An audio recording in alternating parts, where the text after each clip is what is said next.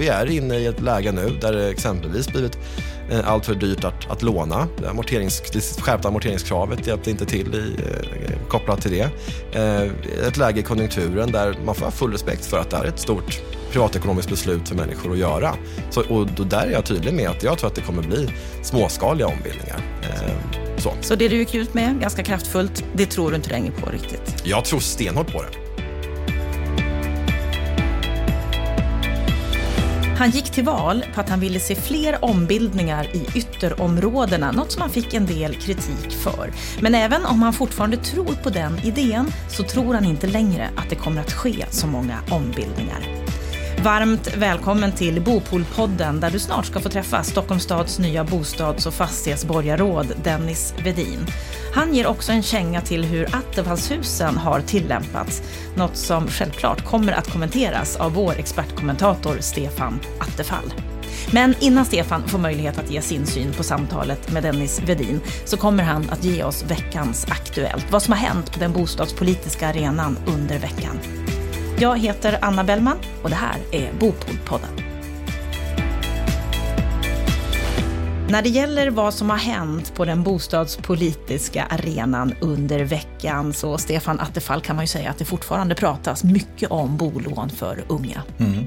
Även om det varit påskhelg och lite lugnare så är det en spännande rapport som kommer från eh, Skandia försäkringskoncernen Skandia som har tagit fram en rapport om lön utan lägenhet som visar på att en genomsnittlig 28-åring med fast jobb kan inte längre köpa sin första bostad.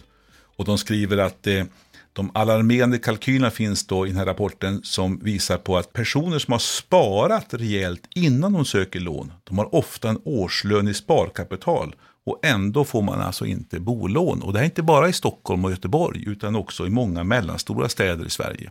Det här visar ju på hur alarmerande det är för första gångköparna som ska in på bostadsmarknaden. Och det är amorteringskraven som ställer till det mycket? Precis, va? Så även om man har kontantinsatsen med 15 procenten så får man ändå inte lån i banken för man klarar inte av kalkylerna eller klarar av de här månadsbetalningarna som krävs. Men är det ändå inte risker med att hushållen och de svagare hushållen blir för skuldsatta? Att de mm. lånar för mycket? Att det finns ett värde i det här regelverket vi har? Ja, alltså det finns ju en sån eh, skräckscenario. Men det där tror jag mer och mer en överdriven skräckbild. Johan Javeus som är chefstrateg på SCB, han har gjort en analys över hushållens balansräkning. Alltså vad har vi för tillgångar och vad har vi för skulder? Och även om då lånen för våra bostäder har stigit så har vi också stora tillgångar. Vi har ju eh, vi har exempelvis bostadsrätter, vi har villor, vi har semesterhus, vi har aktier, vi har banksparande, vi har fonder, vi har obligationer, vi har kontanter, vi har pensionssparande. Och vi har alltså värden för över 19 miljarder hushållen och bara skulder som motsvarar 4,2 miljarder. Och, och tänk dig då att alla bostadsrätter och alla villor sjunker i värde med hälften så skulle vi ändå ha kanske tre gånger så mycket tillgångar som vi har i skulder. Så han menar att vi borde inte vara rädda för det här? Nej, alltså, det, det som är intressant är att på ett, på ett övergripande plan så är en överdriven rädsla för att vi har alltså inte bara skulder, vi har mycket tillgångar också.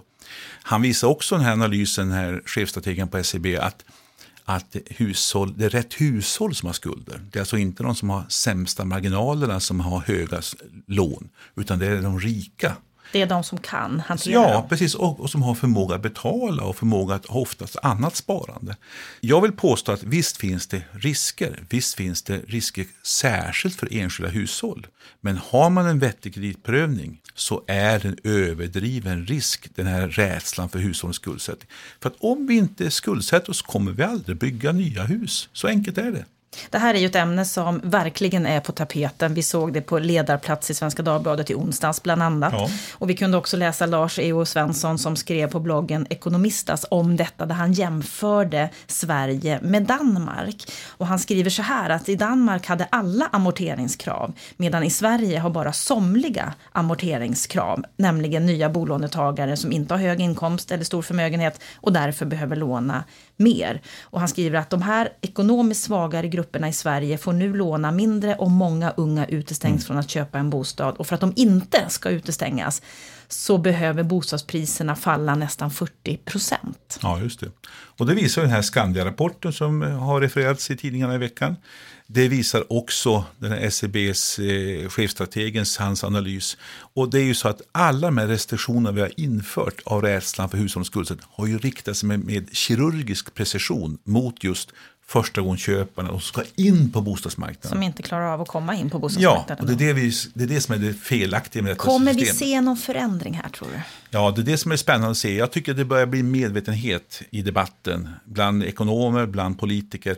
Så jag tror att det kommer komma en del initiativ som börjar ta i de här frågorna. Frågan bara om eh, det sker snabbt eller tar längre tid. Och det får vi se. Mm, och vi lär ju återkomma till just den här frågan. Självklart. En annan sak som är ute på remiss just nu det är den nya bostadsstandarden. Och där är det de som är lite oroliga att den kommer att påverka möjligheten att skapa effektiva ytsnåla lägenheter om den träder i kraft. Och om man vill protestera mot den här nya bostadsstandarden så ska man göra det innan 17 maj. Mm. Och det är så här, det kommer alltså direktiv, det här är ett EU-direktiv i botten, sen gör Boverket sitt förslag till standarder och sen är det många oroliga. Jag kan inte bedöma hur stark den oron ska vara, jag har inte hunnit sätta mig in i de detaljerna. Men det är risk att om man tar ett enskilt beslut och så försvårar man i praktiken möjligheten att bygga ytsnåla lägenheter. Så att det, det är viktigt att hålla koll på de här detaljerna därför att de kan skapa stora problem och omöjliggöra innovativt byggande för att hitta just smarta lägenheter med, med låga kostnader. Så att det, de som är engagerade i detta, hör av er, läs på och gör er stämma hörd. Det är alltid viktigt när det gäller alla byggregler. Och gör det innan 17 maj. Precis. Det var veckans Aktuellt från den bostadspolitiska arenan. Tack Stefan. Så länge alldeles strax ska du få kommentera Dennis Vedin.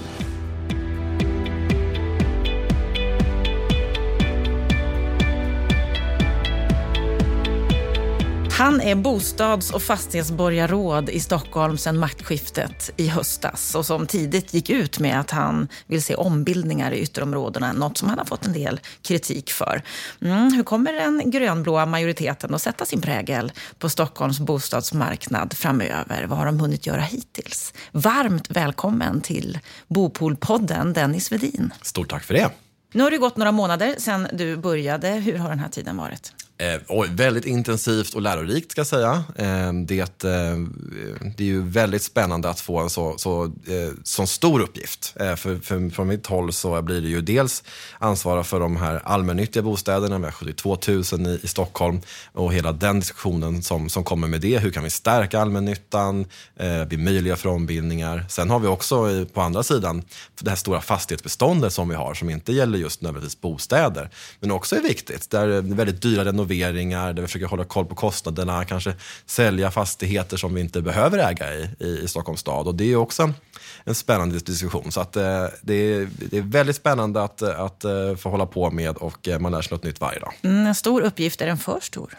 Ja, alltså, nej, men jag skulle säga att det, det, finns en, en, det finns en koppling mellan de båda. Eh, för det handlar ju om att, att ta, ta hand om, om fastigheter i grunden. Eh, och på så sätt så känns det ju en, som att jag har en, en tydlig uppgift eh, på något vis. Eh, och på så sätt så tycker jag att det, det verkligen hör samman.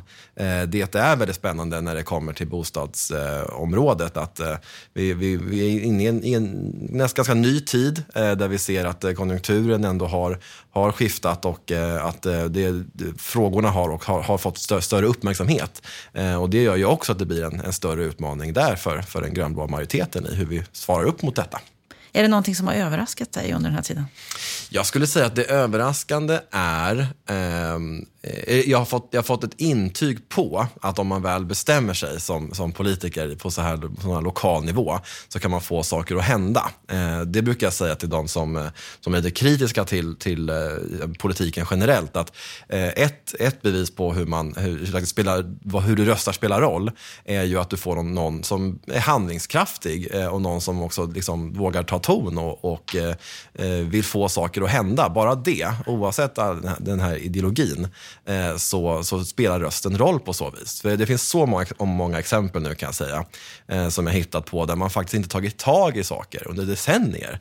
Eh, och, och där tror jag verkligen att jag, eh, eh, ha, ha som mest att erbjuda. För jag kan vara ganska otålig. Betyder det, här, betyder det här då att vi kommer att få se en del förändringar under din tid här? Det är definitivt min, min eh, förhoppning. Eh, och då kan det ju handla om, om de, de små sakerna. Eh, att eh, det här konstgräsplanen eh, faktiskt eh, byts ut och att, eh, eh och att det är kanske en liten eh, investering. Eh, men det kan ju också handla om det stora. Hur tar vi hand om våra större fastigheter? Hur ser vi till att, att allmännyttan kan utvecklas för att bli, bli ännu bättre och starkare? det, är ju det, det, det, är det stora och det lilla. och där tror jag att det krävs, på lokal nivå så är det väldigt viktigt att man har en politisk handlingskraft och otålighet uthållighet. För annars så finns det ett sånt maskineri eh, som bara rullar. Eh, och eh, det gillar jag att ta mig an. Det låter som att du trivs med ditt uppdrag. Ja, men det gör jag. Det gör jag. Eh, sen så är det tyvärr så att eh, Eh, som sagt, eh, det är alltid att många beslut ligger till grund för någonting. Eh, det kan ta tid att, att eh, förändra något. Eh, men eh, det, det som krävs är ju egentligen, vi har så mycket kompetens, så många duktiga människor också i, i stadens verksamheter. Eh, så att om vi bara liksom ovanifrån identifierar en pro problembild så har vi så mycket kompetens och möjlighet att göra någonting åt det. Så det tar tid, eh, men eh, jag tror definitivt att, att, att vända på varje sten är någonting som som behövs. Och det gör mm, Och det behövs ju vilja, det behövs handlingskraft för att det finns stora utmaningar. Tittar vi på bostadsbehovet så är ju det stort fortsatt. Byggstarterna håller ändå på att halveras. Stockholm har ett färdigställande av bostäder på 6 851 i år. Det skulle behövas många, många fler. Mm. Helt rätt. Och vi Hur har ska ju, ni klara det? Ja, men vi har, och vi har ju verkligen de här ambitiösa målen för att, eh, för att, eh, för att öka där. Vi, vi vill ju bygga 10 000 klimatsmarta bostäder per år fram till 2025 och hälften av dessa ska vara hyresrätter. Eh, så att ambitionerna finns där. Politiken är glasklar. Vi vill ju få göra vårt arbete i Stadshuset för att processerna ska bli smidigare. Handläggningstiderna måste ju gå ner och det ska bli lättare att ha med Stockholm stad att göra när det kommer till byggande. Och dessutom så ska vi se till att eh, allmännyttan också tar sitt ansvar och eh, att vi klarar våra produktionsmål som man inte gjorde förra mandatperioden. Och när kommer vi att se konkreta skillnader här? Det skulle jag säga är i, i, full gång. Ehm, jag kunde nu exempelvis eh, eh, vara med om när vi gav nycklarna till, till de, de som flyttade in i första Stockholmshuset eh, i Rågsved. Ett projekt som vi jobbar med i allmännyttan som, som syftar till att få ner produktionskostnaderna och därmed hyran. Det är första exemplet nu men det kommer många fler och där ser vi nu till att vi försöker trimma det ytterligare. Det är en sån konkret sak vi gör där jag har gett tydligt i uppdrag för bolagen bolagen och förvaltningen att vad kan vi göra här nu för att jobba tillsammans för att få ner, öka serietillverkning exempelvis, få ner produktionskostnaderna. Gör, helt enkelt göra det då ännu billigare att bygga och då kanske till, till och med få ner hyrorna. En sak som du ju har gått ut och sagt väldigt tydligt och gjorde det tidigt, det var detta med ombildningar. Att du ville se fler ombildningar i ytterområdena och du har ju fått mycket kritik från det från flera håll. Hur många lägenheter räknar ni med att ombilda? Få, skulle jag säga är svaret. Ehm, eh, det vi, det vi gjort är att vi har identifierat de områdena i ytterstaden där allmännyttan är särskilt eh, dominerande. Det är 11 stadsdelar av totalt 132 i Stockholm, så det är på så sätt ganska få områden det handlar om. Eh, och det här är ju områdena, men exempelvis eh, jag är västerortare som jag tar Grimsta och, och, Rinkeby som exempel, där vi ser att det finns en, en, en, en stor del av, av beståndet är, är hyresrätter eh, i området. Och då är då vi säger att ja, men här, ska vi, här ger vi möjligheten för de som, som vill, de som har den ekonomiska möjligheten att ombilda ska få den chansen. Det hade man inte under tidigare majoritet.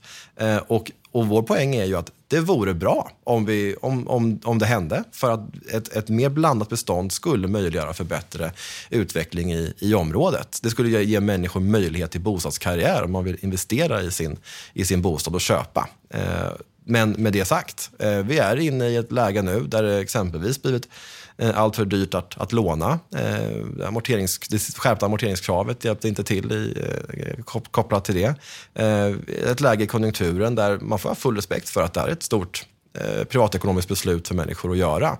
Så, och då där är jag tydlig med att jag tror att det kommer bli småskaliga ombildningar. Eh, så. Så det du gick ut med ganska kraftfullt, det tror du inte längre på riktigt? Jag tror stenhårt på det. Jag tror alltså om, alltså, jag skulle så hemskt eh, mycket vilja eh, att eh, många som, som tar den här möjligheten och som, som kan ta den här möjligheten till att nu äga sitt boende. För det skulle, det skulle vara, jag tror att, det, att äga sitt, sitt boende tror jag bara där i, i, i sig är en, en, en styrkesak att kunna göra. För att då, du kan ju då på olika sätt investera i ditt boende på sätt som du inte annars kan göra.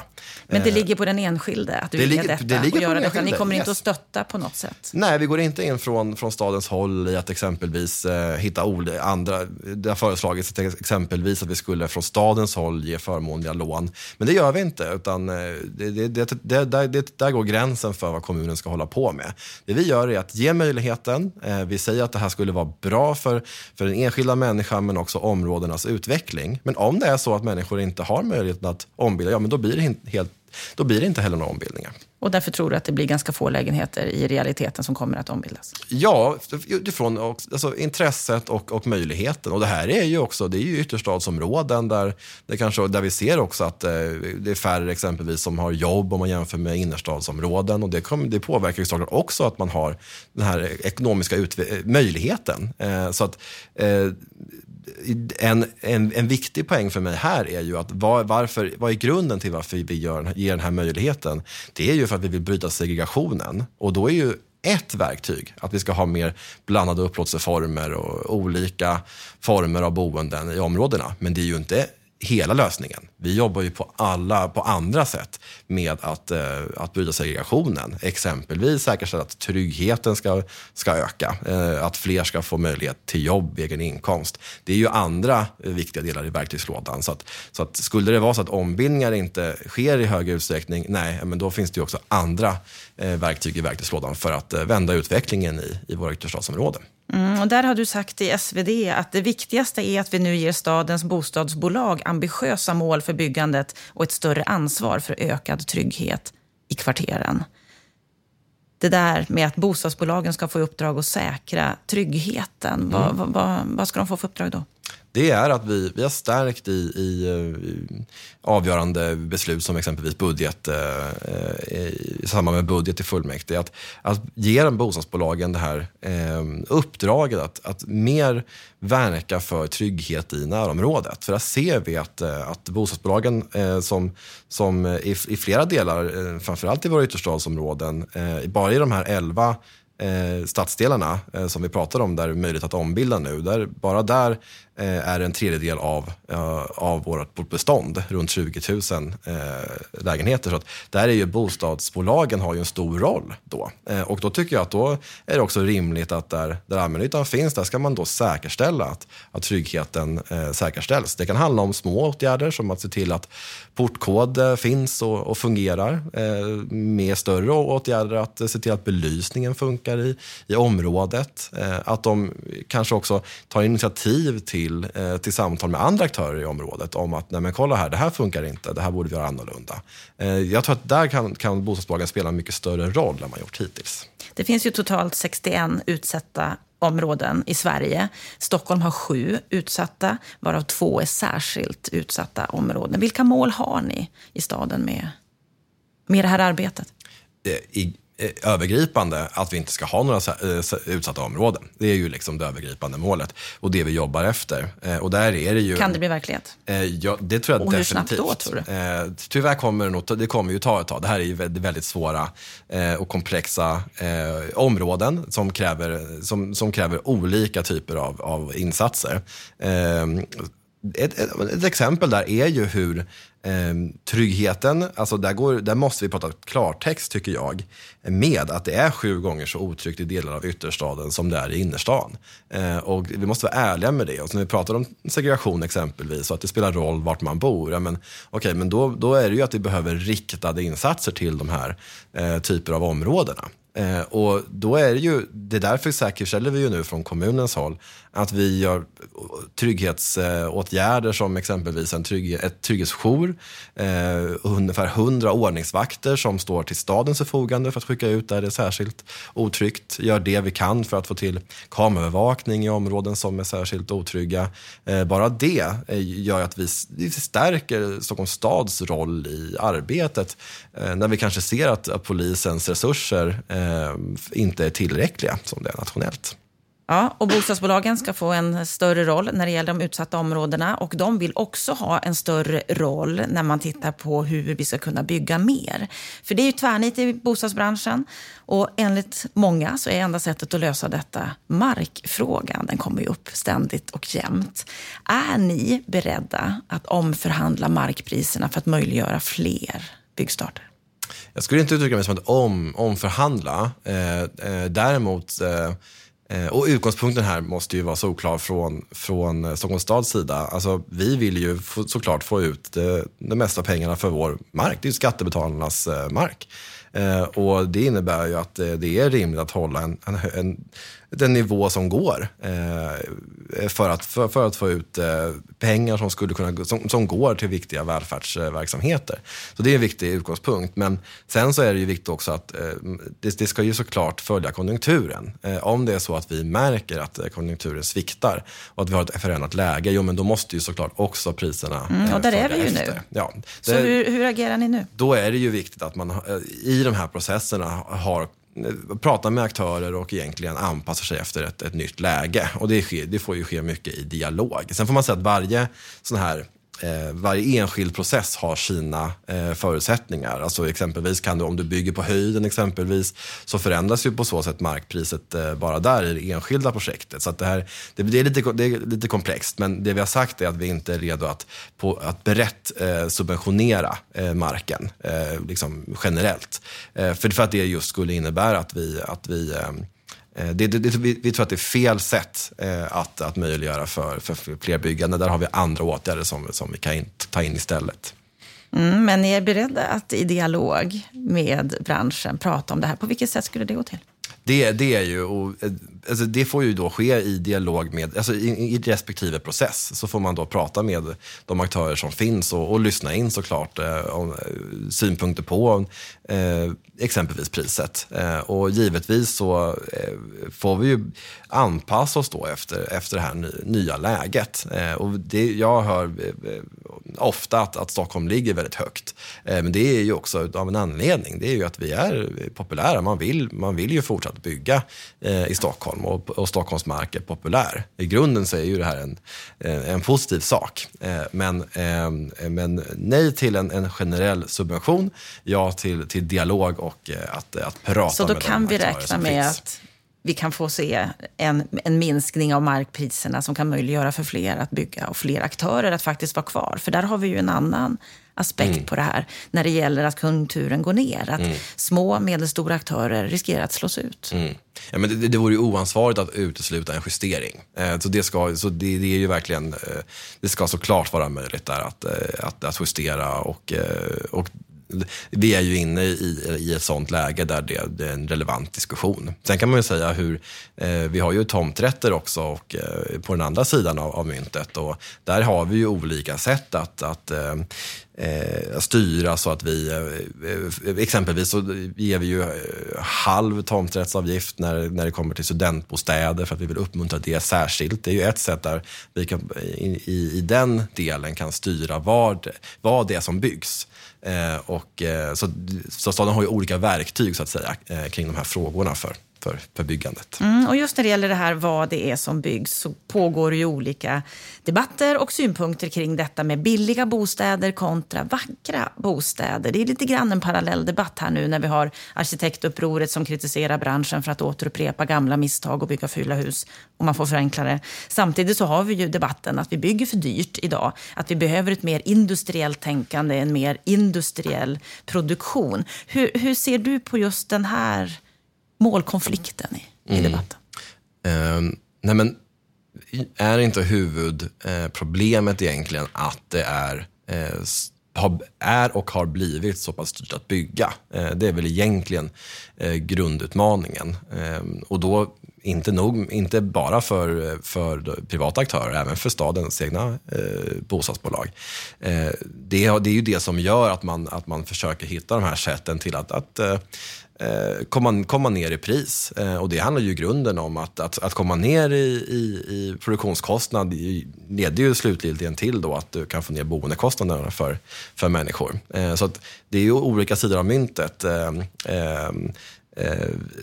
När det kommer till eh, om gestaltningen kanske eh, blir, eh, blir fulare eh, men att priset blir så pass eh, lågt att det faktiskt är fler som kan flytta in. Det är ju den vågskålen vi befinner oss i. Från grön blåa majoritetens håll nu i Stockholm så, så eh, gör, försöker vi göra både och. Eh, när det kommer till Stockholmshusen som jag nämnde som är riktat projekt för bostadsbolagen för att, för att bygga, bygga billigare, komma ner i pris och därmed också hyra. Eh, där gör vi nu vad vi kan för att jobba på eh, gestaltning men också kanske också volym i flera områden eh, där, där det har blivit protester och att, eh, där, där vi måste lyssna in eh, synpunkterna från, från eh, boende runt om där man tycker att någonting blir för eh, oproportionerligt, eh, för, någonting förfular och så. Och det är ju en rim, viktigt att vi är lyhörda och tar in sådana såna synpunkter. Går det att få en balans i det här? Jag upplever att, eh, att det går. Eh, exempelvis tycker jag faktiskt ett, ett bra exempel är det Stockholmshus som, som står klart nu i, i Rågsved. Det, jag tycker att man har, där har lyckats med att, eh, att, att bygga ett hus som passar in, men som också, där man också har fått ner produktionskostnaderna. Nu, tyck, nu är, vi kritiska till att hyran blev inte så pass låg som man hade utlovat från den tidigare majoriteten. Men det är bara anledning nog till att vi kämpar nu för att trimma kostnaderna ytterligare för, för kommande projekt. Men i, i, i, kring, kring detta, och bara för att ta exempel om hur, hur staden jobbar, där har vi ju tydliga, tydliga krav kring eh, gestaltning och, eh, för att det ska vara i harmoni med Eh, närområdet för de här eh, projekten. Och, och, där är det ju också viktigt att vi ställer krav även när det kommer till privata eh, byggherrar eh, på motsvarande sätt. För det är viktigt att vi, när vi, när vi bygger eh, kvarter så ska, det, så ska det ju passa in. Eh, där har det alldeles för mycket eh, blivit. Inte, no, inte nog med att, eh, att du har hur ett hus ser ut. Det kan ju faktiskt också vara att, det blir, att man bygger fel typ av hus. Eh, där eh, finns det exempel på hur man försökt spränga in punkthus i, i kvarter där det inte passar och liknande. Och där ser vi, är vi också tydliga med den här nya majoriteten att, att ändra om. Nej, här passar det faktiskt inte. Här får vi hitta ett annat sätt att, eh, att eh, bygga en annan typ av hus. Eh, och den lyhördheten är också väldigt viktig. Och ett annat sätt att förtäta staden och att få fler möjligheter till boende är ju attefallshus. Mm. Där är du lite tveksam till hur de har tillämpats förstod jag. Ja, alltså det, jag åkte runt nu med, eh, med grannstöd och kollade i, i, i Solhems eh, trädgårdsstad eh, i Spånga, där, eh, i området där jag bor. Och vi gick igenom olika exempel på hur, hur Eh, knasigt det kanske har blivit när det kommer till attefallshus. För att om vi kollar på vad, som, vad bakgrunden är, jo men då är det under alliansåren nationellt så eh, hade man en vilja att eh, ja, få ner, få ner regel, regelbördan egentligen. Eh, jag kan tycka nu i efterhand att man nog började i fel ände. Eh, man möjliggjorde för Attefallshus för att eh, man, ja, man såg att det skulle egentligen vara möjligt att slänga upp någonting på tomten på ett, på ett enklare sätt. Absolut, det var viktigt. Men eh, jag tycker inte man gjorde tillräckligt under den tiden för att eh, underlätta den, den här större regelbördan som ju egentligen i det stora hindrar för viktigt bostadsbyggande eh, nationellt och, och i Stockholm. Jag tycker att vi, måste, vi skulle ha gått längre och vi måste gå längre med att reformera plan och bygglagen så att vi bredare möjliggör för fler bostäder. Se över såna här konstiga saker som, som eh, bullerreglerna som, som gör att vi har svårt att bygga när nära kollektivtrafik eller, eller liknande. Eh, och jag kan, jag kan känna hopplöshet då över att gå runt då i trädgårdsstäder. Eh, Stockholm har många fina sådana.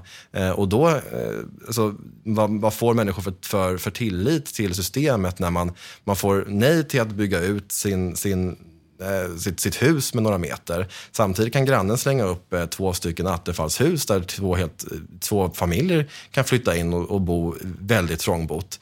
Eh, och och samtidigt så, så ett kvarter bort så, så, så måste man eh, neka ett projekt för, för hundratalet bostäder för att det ligger för nära järnväg. Alltså det, blir, det, blir no, det är något fel här i, eh, ur, i hur det har blivit. Så jag tror att vi började kanske, vi, när vi skulle, vi hade bra, bra inriktning på att göra eh, regelförenklingar för bostadsfrågorna, men jag tror inte riktigt vi tog möjligheter men vi är hade. det, okay, går det att korrigera det idag? Att fortfarande ha kvar attefallshusen som det ser ut och kanske även utöka boendeytan? men att förenkla på det sättet yes. som du önskar? Jag tror att så här, för att, jag, jag, jag, tycker det är trist om debatten nu börjar handla om att ska, hur mycket ska man få bygga ut sitt attefallshus?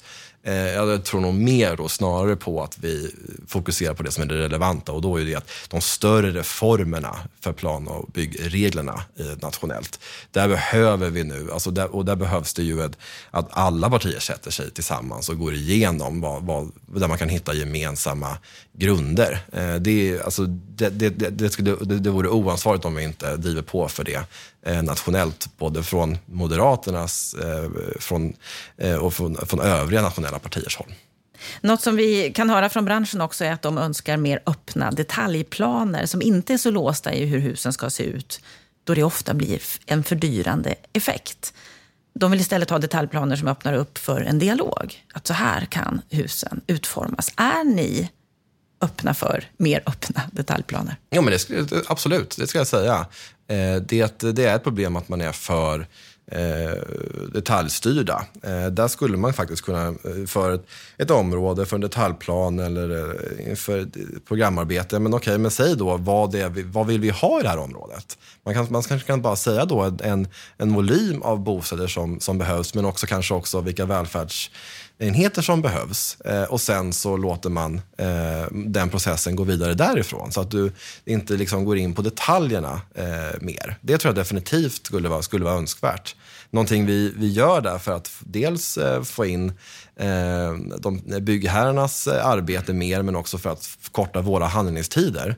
Eh, där gör vi, ger vi nu möjligheten för privat initiativrätt eh, och ska börja med det i, i Stockholms stad. Och det, gör, det är ju då att eh, istället för, som det är idag, så har Eh, så har, eh, när de privata aktörerna eh, jobbar fram utifrån en detaljplan, ett, ett förslag, så, har vi, så blir det ett dubbelarbete. De kommer med det till staden. Det är oftast miljoner som går till den utredningen. Och sen så måste staden göra samma arbete. Man kan inte utgå ifrån det, här, det, det arbete som har finansierats privat. Här säger vi att jo, men okej, men här kan man i myndighetsutövningen då utgå ifrån det man får in. Och, alltså utifrån det arbetet och då slippa eh, år av, av krånglig och, och eh, konstig, konstig process som egentligen görs i onödan. Eh, det tror jag också är ett sätt för att liksom mer kan, kanske också kan bidra till att det blir mer ett samarbete i, i byggplanerandet. Ja, du söker efter mer dialog, mer samarbete, mer förenkling. Du vill mycket, du är otålig. När den här mandatperioden är över, vad kommer vi att komma ihåg Dennis Vedin för? Ja, eh, jag tror att det kommer se väldigt trött ut. Men eh, jag, jag, hoppas att ni eh, kommer eh, komma ihåg någon som ändå eh, tog tag i, i gamla sanningar. Även om det kan vara gamla konstiga avtal eh, som har gällt i, i decennier som vi till slut gjorde upp med. Eller om det kan vara att vi fick in eh, kanske eh, boende på, på ytor som, som man inte tidigare lyckades med. jag tror att det, det finns många olika eh, sätt eh, där jag tror otålighet kan, kan, Eh, kan möjliggöra för saker. Det som är utmaningen i Stockholms stads eh, verksamheter är ju att det är en sån stuprörsorganisation eh, eh, där, man, där det tyvärr är en kultur där man kanske inte pratar så mycket med varandra, mellan förvaltningar och mellan bolag. Eh, det ser jag som en, en stor utmaning för mig och, och mycket tid, någonting jag lägger mycket tid på i att få människor att, att samarbeta och prata och jobba gemensamt åt, åt ett håll. Eh, och där tror jag faktiskt vi kan få så, mer saker att hända. Du kommer ha mycket att göra de här åren. Det stämmer bra det. Stort tack för att du kom till Bopolpodden. Tack så mycket.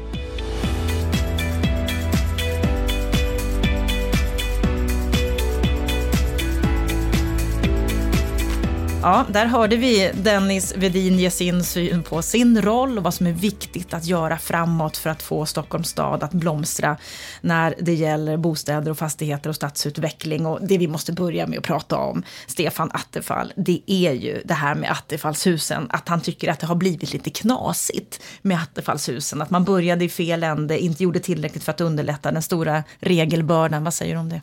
Ja, han har fel i den meningen att det gjordes st stora förändringar av regelbördan. Han nämnde ett konkret exempel, det är bullerreglerna. De har förenklats, det har blivit liberalare bullerregler.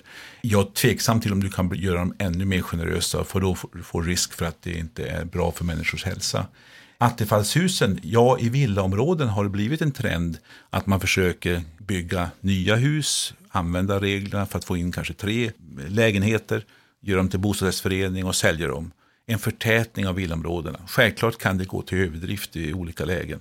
Men jag tror att man måste samtidigt vara positiv till att människor vill bygga mer bostäder. Man får inte heller låta våra, alla våra villaområden vara ska säga, outnyttjade för viss förtätning. Det är ju troligtvis så att han ser sina egna väljargrupper som klagar. Och då blir han lite orolig för detta. Men jag är inte så rädd för detta. Det kan säkert finnas överdrifter, men vi behöver få fler bostäder och det kan vara en del av lösningen. Det här med att man vill öka bostadsytan i attefallshusen, vad tänker du om det? Ja, alltså det som är problemet med det, det är inte att öka ytan utan det är väl att man samtidigt föreslår från Boverket att man inför en överklagande möjlighet. Och då är, det är jag orolig för, för då kommer du förstöra mycket av vitsen med reformen. Du, du gör det hela till ett, det blir i praktiken samma sak som bygglovsprövning. Så att eh, jag är skeptisk av det skälet. Men sen är det alltid trevligt att man kan öka ytan med, från 25 till 30 kvadratmeter. Men notera, den frågan fanns inte med i januariavtalet, trots att förslaget ligger på regeringens bord från Boverkets sida. Så att jag tror att de själva har lite svårt att veta hur de ska hantera frågan. Men Attefallshusen kommer att vara kvar? Ja, jag hoppas det, för jag vet många som har haft nytta av dem och eh, till glädje för många. Så att eh, jag tror att man ska ställa en motsatsställning mot andra regelförenklingar. Och eh, du, du har gjort många förenklingar, mer behöver göras, det håller jag helt med honom om också. Men mycket ligger på kommunerna, hur man hanterar plan och bygglagen. Och då vet vi att Stockholms kommun är inte de smidigaste att finna smarta lösningar för att bygga yteffektivt, för att göra standardiserade produkter. Men där säger han ju att han vill göra det, att ja, han vill förenkla. Men då kan man ju börja med att ta bort de tekniska särkrav som Stockholms kommun själv praktiserar i praktiken. Om man kan få stadsbyggnadskontoret och detaljplaneavdelningen att vara mera generella detaljplaner, mera öppna lösningar, mindre låsta detaljplaner. Då gör han byggbranschen och möjligheten att bygga billigt och effektivt en stor tjänst. Där borde han lägga sitt fokus. Och detta med att Dennis Vedin ville se fler ombildningar, något han gick till val på, men som han nu i programmet säger att nej, det kommer inte bli så många. Jag tycker han gör en ganska realistisk analys. Därför att eh, bilda bostadsrätter i allmännyttans fastigheter i ytterområden är svårt. Det är stora fastigheter, många har svårt att få lån i banken, många har inte tillräckligt höga inkomster och det är svårt att få majoritet för detta, 66 procents majoritet i stora fastigheter som ofta handlar om. Då tror jag hellre på att vi inför möjligheten att ombilda hyresrätter till ägarlägenheter. Då kan man göra det på enskilda lägenheter. Det tror jag är en mer framkomlig väg. Eh, han verkar inte heller vara inne på modeller där man kan jobba med hyrköp, alltså bygga nytt och hitta olika hyrköpsmodeller. Det finns en del som har tänkt ut de sakerna, Örebro har prövat det här. Så att jag tycker att eh, det finns fler eh, ska säga, verktyg som man kan använda för att få mera mångfald ute i våra ytterområden. Men ambitionen är den rätta, men jag tror att just det här med bostadsrättsombildningar, det kommer att bli på marginalen. Pröva gärna fler metoder, blanda nyproduktion, blanda olika ägandeformer och renoveringsstrategier som skapar olika standard och därmed olika målgrupper och olika inkomstnivåer. Så du får mer av social blandning. Det är receptet och där tror jag det finns mer att göra än vad Dennis Vedin hade i sin vapenarsenal, i alla fall i intervju med dig. Vad tycker du annars om samtalet med honom? Jag tycker att han visar på en ambitiös inställning. Han vill göra ett avtryck. Det ska han ha heder för. Jag tror att han har helt rätt i att man måste vara otålig och ligga på. Och han har höga ambitioner att bygga 10 000 lägenheter per år i Stockholm. Det kommer vara svårt i det här konjunkturläget med de nationella restriktioner som har införts på inte minst kreditsidan.